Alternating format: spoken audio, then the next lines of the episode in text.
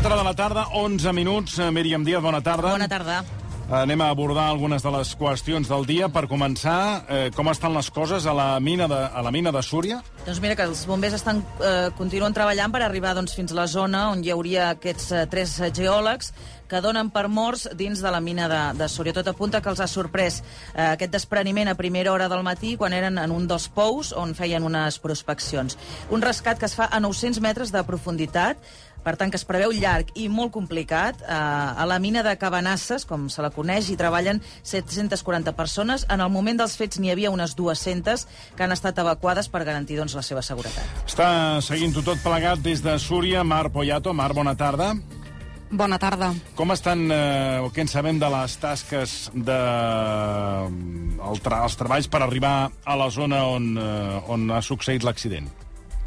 Doncs mira, Toni, ara mateix a RAC1 podem avançar que els serveis d'emergències acaben de localitzar dos dels cossos. Això no vol dir que els hagin tret encara, sinó que sí que els tenen localitzats i a partir d'ara el que poden fer és evacuar-los. Uh, hi ha un tercer cos que ens diuen que és, serà complicadíssim arribar-hi.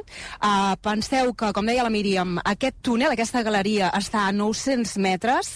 El despreniment es veu que ha sigut molt gran, ha caigut una quantitat enorme de roca i aquest tercer cos estaria, és el que li hauria caigut més material a sobre. Per tant, també no saben en quines condicions es trobaran el cos d'aquesta tercera víctima.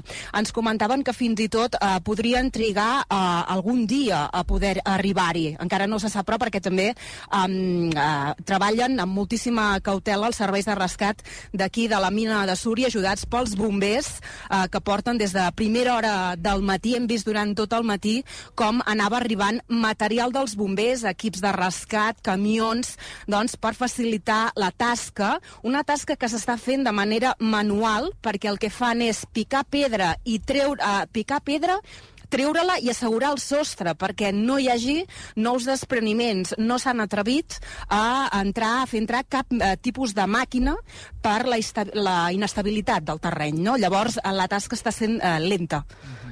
Aquest migdia eh, han anat fins allà, han estat eh, compareixent davant els mitjans el conseller d'Interior, Joan Ignasi Helena, i el d'Empresa, Roger Torrent. Bé, què és el que han explicat? Quina és la versió, podríem dir, oficial dels fets? A veure, amb tota la, la versió oficial hem tingut una mica eh, d'embolic, per dir-ho d'alguna manera, perquè d'entrada el govern, eh, des de primera hora del matí, ens confirmava que, aquestes, eh, que aquests tres treballadors eh, havien mort. Um, un cop aquí eh, no han volgut confirmar-ho des del govern. Per què?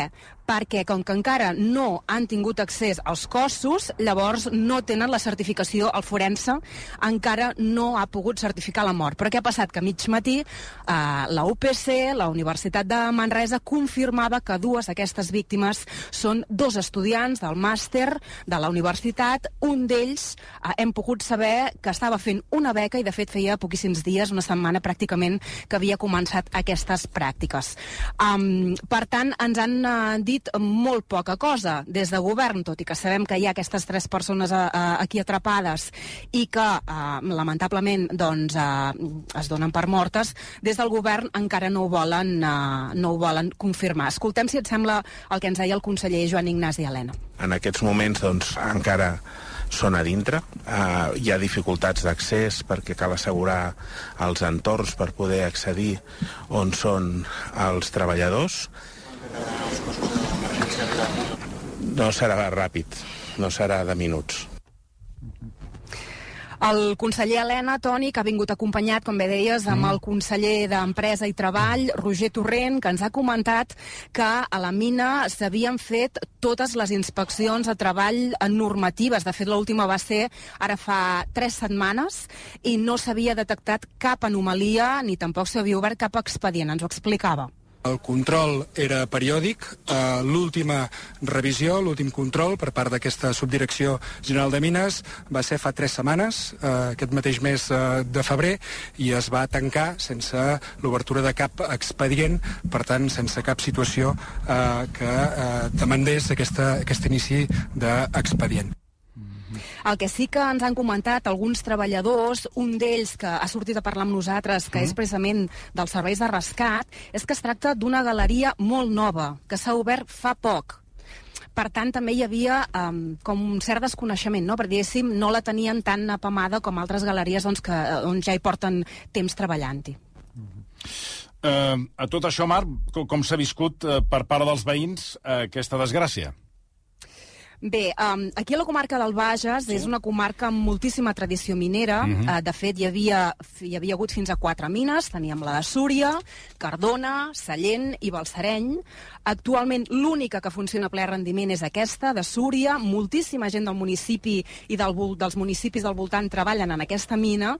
Per tant, us podeu imaginar l'impacte que suposa no? un accident d'aquestes característiques. A més, tenint en compte um, doncs, uh, que molta gent uh, hi té coneguts. De fet, aquest matí, a primera hora, uh, hem vist com arribaven familiars uh, desesperats uh, per demanar com estava no? el, seu, el seu conegut, el seu familiar, i si era una de les persones afectades. Això ens ho ha comentat l'alcalde de Súria, que també, que també hi és aquí. Estem consternats, tots a, com, a, com a equip de govern, entenc que com a societat. Súria és un poble, és un poble miner que, que viu de la mineria i bona part de la seva població o treballa o ha treballat o té algun familiar que treballa o ha treballat a la mina i per tant qualsevol esdeveniment tràgic o qualsevol accident que ocorreix en les instal·lacions doncs, mineres doncs, és, un, és un sotrac pel municipi i per tots nosaltres. Aquest, eh, Mar, no és, com tu deies, el primer accident que passa en aquesta, en, en, ni a la comarca ni en aquesta mina. Eh, podríem dir que és un fet eh, no sé si, si inevitable o, o podríem parlar que aquí sempre hem de parlar de, de que hi ha un punt de negligència en segons quins, a segons quins nivells? A veure, um, n'hi va haver un altre d'accident aquí, en aquesta mateixa sí. mina de Súria, el 2013, i van morir dues persones. En aquest cas, uh, els hi va caure una roca de grans dimensions a sobre. Uh, I també l'últim que hi va haver aquí a la comarca va ser, en aquest cas, a la mina de Vilafruns, uh, que hi va haver també dos morts amb dos, dos accidents diferents, però molt seguits. Um, el que passa aquí, uh, l'empresa no ens ho ha volgut. Uh, han sortit a parlar amb nosaltres, però mm. sí que són molt prudents, no han fet de que encara declaracions públiques, volen esperar doncs, que, que tot estigui resolt. Um, aquesta mina té unes condicions de seguretat altíssimes, molt, molt elevades. Però sí que és veritat que aquesta, aquesta professió, aquest tipus d'indústria, comporta uns riscos. Es treballa uh, amb una profunditat extrema. Uh, penseu que la galeria aquesta, on ha passat avui l'accident, si posem el túnel del Cadí de, de, en vertical, sí? ets, eh, doncs eh, seria ben bé això, vull mm -hmm. dir, la distància. Llavors, um, està sota, uh, sota profunditat, però clar, has de pensar que allà hi ha tota una sèrie de, de camins per dins, no?, de la muntanya. Mm -hmm. um, llavors, uh, sí que és veritat que comporta uns riscos. Uh, hi ha sempre moviment de terres. Um, I per això el, els, els geòlegs, abans que els miners baixin no? a la mina, uh, els geòlegs fan les prospeccions i les inspeccions. I en alguns casos uh, és molt difícil de detectar si hi haurà o no un despreniment. Yeah. Uh, per tant, parlar de negligència amb la informació que tenim ara eh, no seria correcte. Ens hauríem d'esperar en tot cas, perquè s'ha obert una investigació, evidentment, llavors eh, hauríem d'esperar a veure no? que la, aquesta investigació ens, ens, ens expliquin, ens diguin què, què és ben bé el que ha passat. Marc Poyato, qualsevol última hora ens la fa saber. Moltíssimes, eh, moltíssimes gràcies. A vosaltres. Gràcies, Fins ara. com sempre, bona feina. La feina de Marc Poyato. A tot això, tenim reacció ja de, dels sindicats. Sí, els sindicats eh, tenim eh, dues versions eh, completament oposades. Eh, tindríem a Àngel Garrido, secretari d'Acció Sindical de la Unió Sindical Obrera de Catalunya, la USCO, que ha assegurat que si no hi haguessin les mesures de seguretat adequades, el comitè d'empresa de la mina de Súria no hauria deixat eh, baixar eh, aquesta gent. La galería tenía las certificaciones de seguridad actualizadas. Porque si no, los de compañeros del comité no hubieran dejado que se trabajara. Declaracions de Televisió Espanyola. En canvi, eh, Iru Moner, de la CGT Catalunya, eh, ha parlat amb eh, els companys de Ràdio Nacional d'Espanya i ell diu que no hi ha any que no hi hagi petits despreniments i que això, eh, doncs, eh, hi ha tasques eh, que realitzen sobretot empreses subcontractades i estudiants en pràctiques, eh, que és un treball molt dur, eh, com és la mineria, i diu que eh, la feina d'aquesta gent que, segons ells, no tenen la preparació o experiència que podrien tenir doncs, eh, els altres, fa que aquesta sinistra sinistralitat doncs, augmenti. Saludem a aquesta hora l'Antonio Izquierdo, que és miner subcontractat a Súria, tot i que ara està de baixa. Señor Izquierdo, buena tarde. Buenas tardes. Usted tiene más de 10 años de experiencia en el sector minero. Eh, defínanos cómo es la mina de Suria. Bueno, yo en la mina de Suria, se lo he dicho a tu compañera, yo he tenido la suerte o la desgracia de estar seis meses antes de coger la baja. ¿Vale?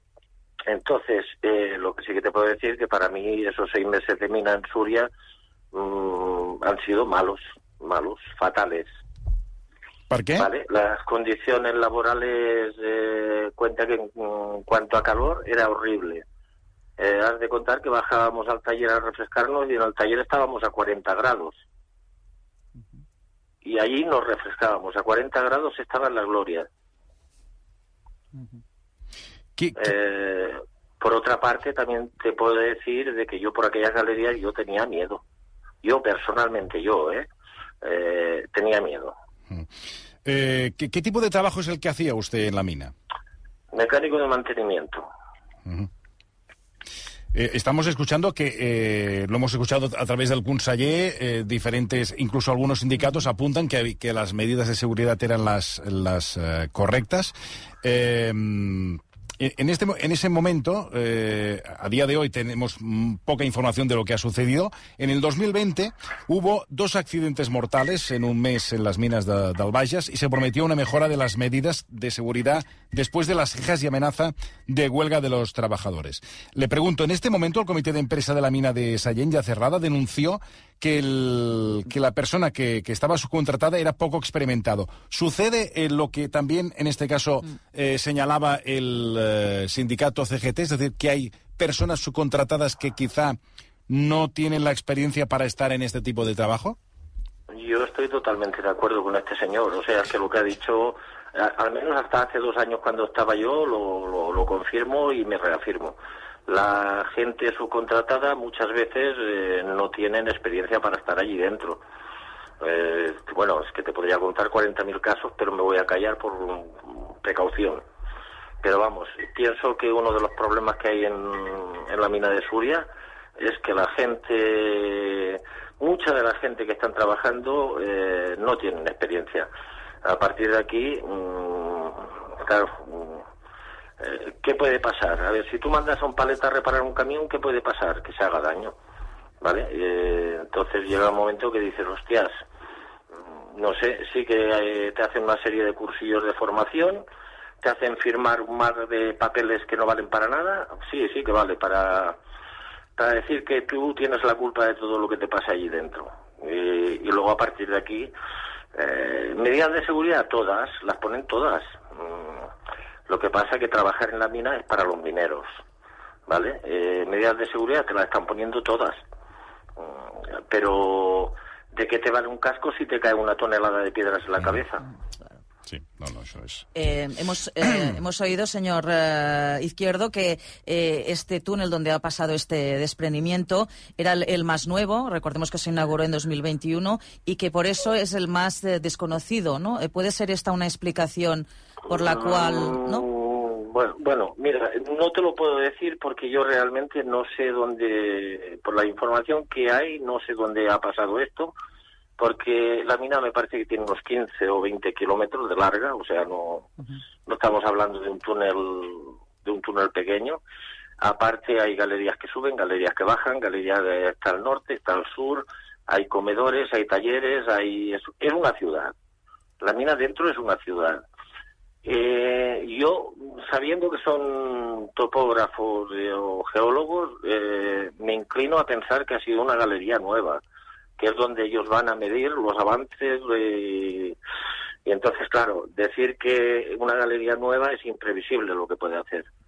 Eh, cuenta que una galería que se está abriendo todavía no, no, ha podido pasar el jumbo a poner cáncamos ni, ni asegurar nada. Entonces mmm, eh, no sé qué quieres que te diga interpreto perdón interpreto de sus palabras que es más peligroso una galería nueva que una vieja supuesto, porque una galería nueva todavía no está antiguada, o sea, no, no está asegurada.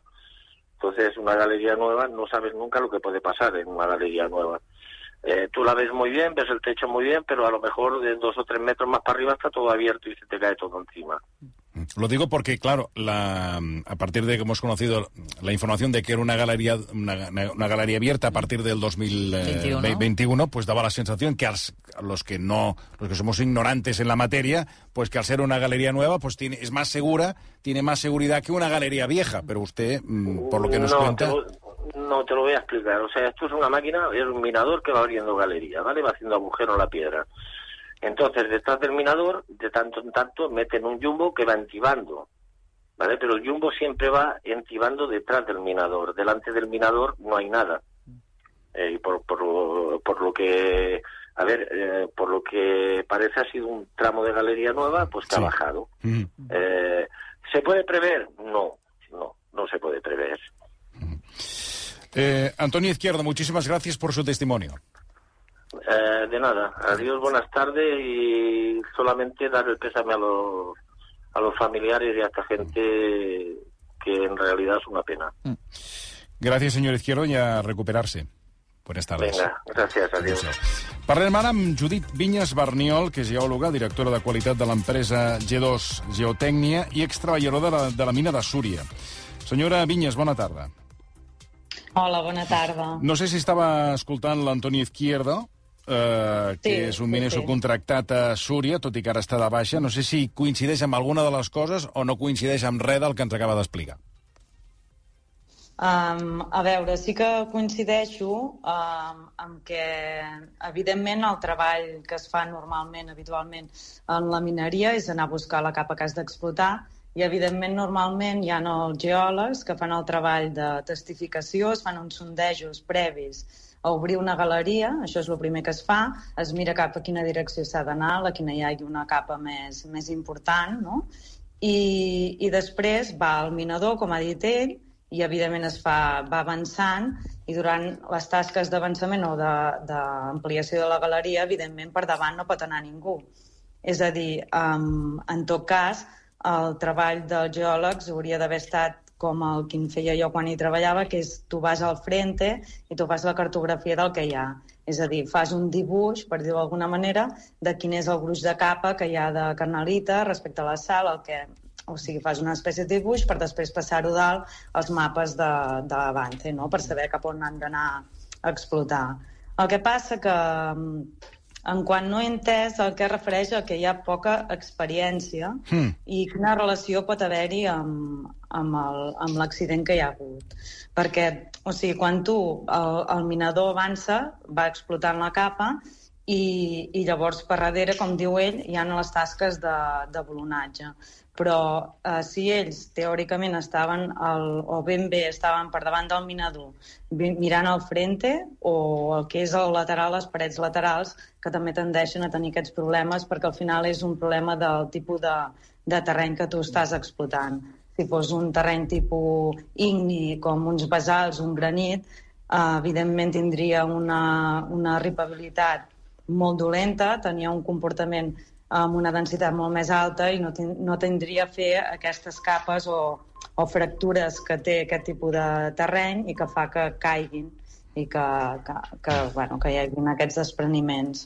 Suposo que el senyor Izquierdo el que referia és el que venia a denunciar la, subcontract la subcontractació de gent que, des del seu punt de vista, eh, doncs li falta experiència o no estan prou preparats. una suposo. formació una curta, formació. eh, Això és el que crec sí. que ell denunciava. Clar, però no sé quina, per, quin tipus de persona es referia, perquè al final, um, és a dir, tot això no és un problema de, de, de seguretat o inseguretat, és un problema del tipus d'explotació.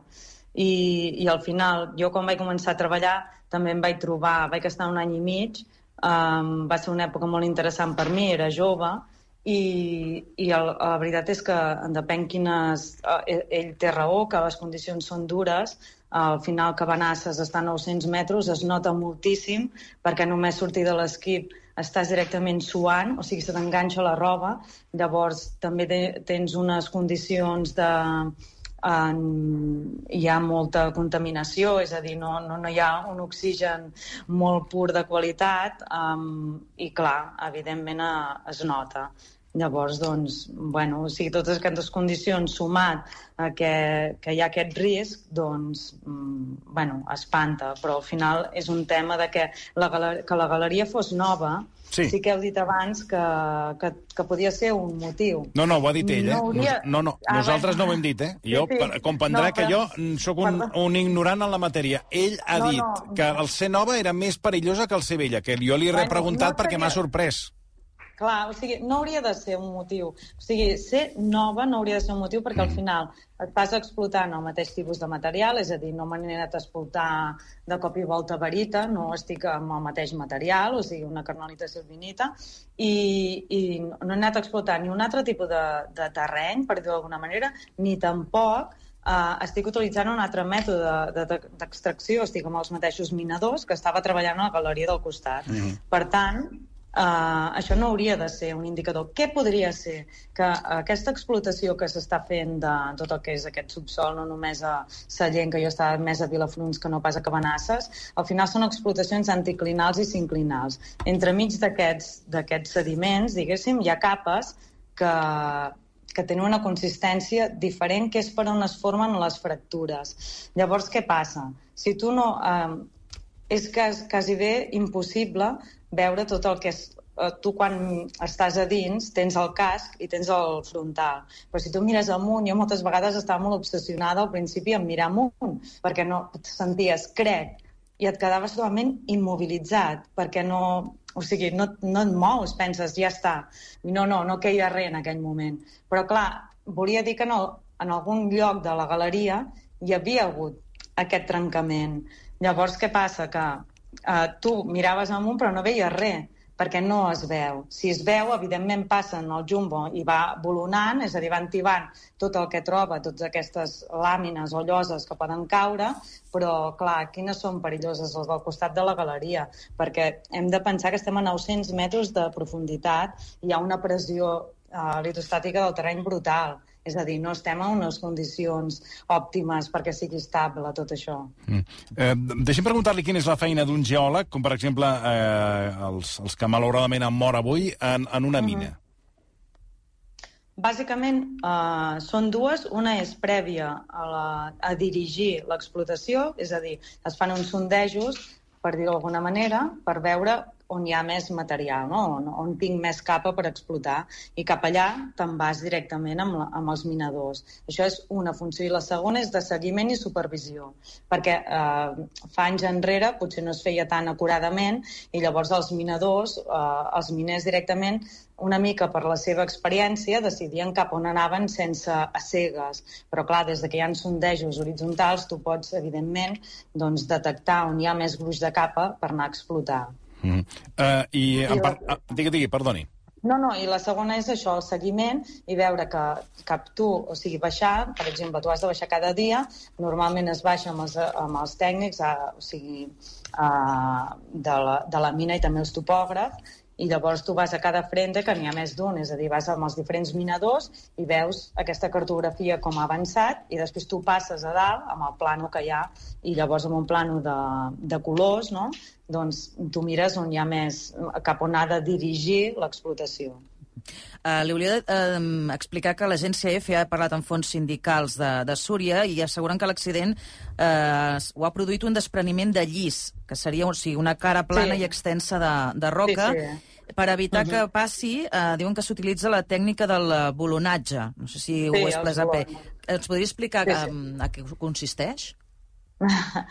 A veure, uh, els bolonatges no és res més que mm, tu el que, el, tot el que siguin, uh, tant el que és el, el sostre com les parets laterals, si s'observa si que hi ha algunes... Normalment es fa per prevenció i, i es fa molt, eh? és a dir, les, les galeries principals estan totalment volonades, inclús el, aquests ancoratges, quan són vells, es canvien i se n'hi posen de nous, perquè és això, o sigui, no baixa una pedreta, que també, eh? que també, que, que en veus, vull dir, que d'un dia a l'altre veus que hi ha un tros de pedra allà al mig i dius, merda, merda, no? O sigui, va caure ahir.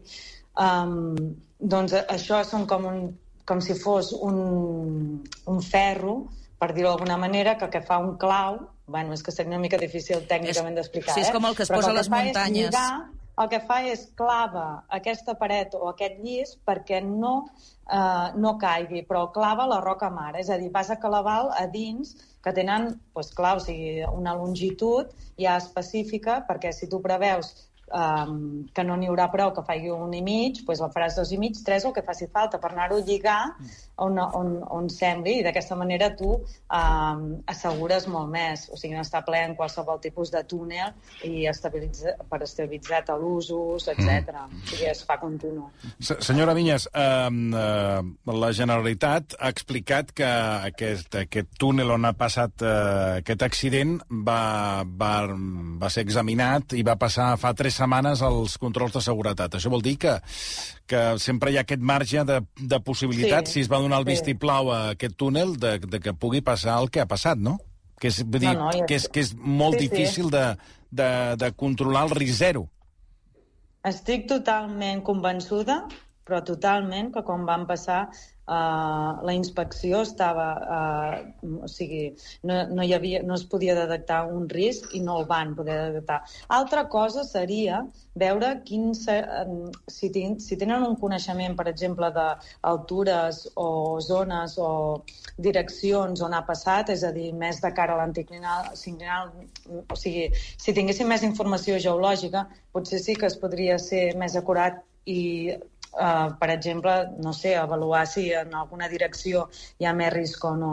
Però, evidentment, que segur que quan van passar no, no es podia detectar i estava perfecte, seguríssim, perquè al final el risc geològic, nosaltres estem cansats per la feina de, de, de precisament de dir-ho, perquè en temes de riscos geològics com, com pot ser aquest, però també despreniments de talusos, de blocs, etc, sempre passa això, que tothom acostuma a dir és que no passa fins que no hi ha, però és que aquí és on, on recau el, el com hauria d'avaluar-se.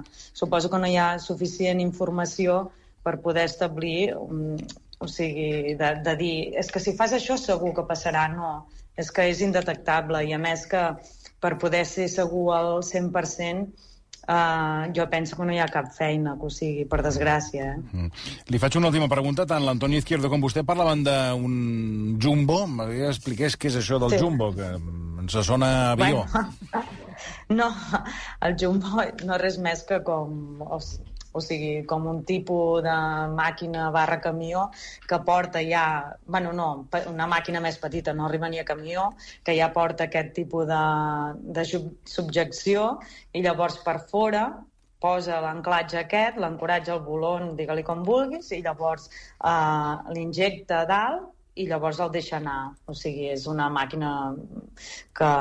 Que assegura. El, el, el, sí, que assegura... És que, és que són, són indispensables tant o més que, el, que els minadors. És a dir, és que estan contínuament fent tasques de volonatge. El que passa que ell sí que ha dit una cosa totalment d'acord i que, a més a més, que és que no es pot negar perquè la gent que hem treballat a la mina Um, i, I pensem que els tècnics sempre hi passem molt, molt menys temps que tots el, els miners.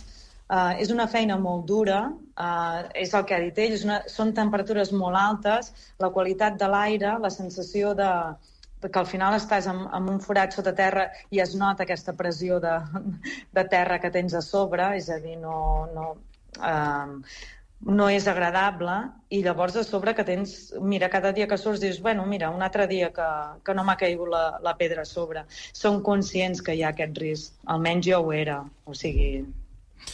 Doncs, eh, miri, dir-li que celebro saludar-la i parlar amb vostè. Eh, moltíssimes, moltíssimes gràcies per acompanyar-nos. Gràcies a vosaltres. Gràcies per les seves explicacions. La Judit Vinyes Berniol és geòloga, directora de qualitat de l'empresa G2 Geotècnia i extreballadora de la mina de Súria.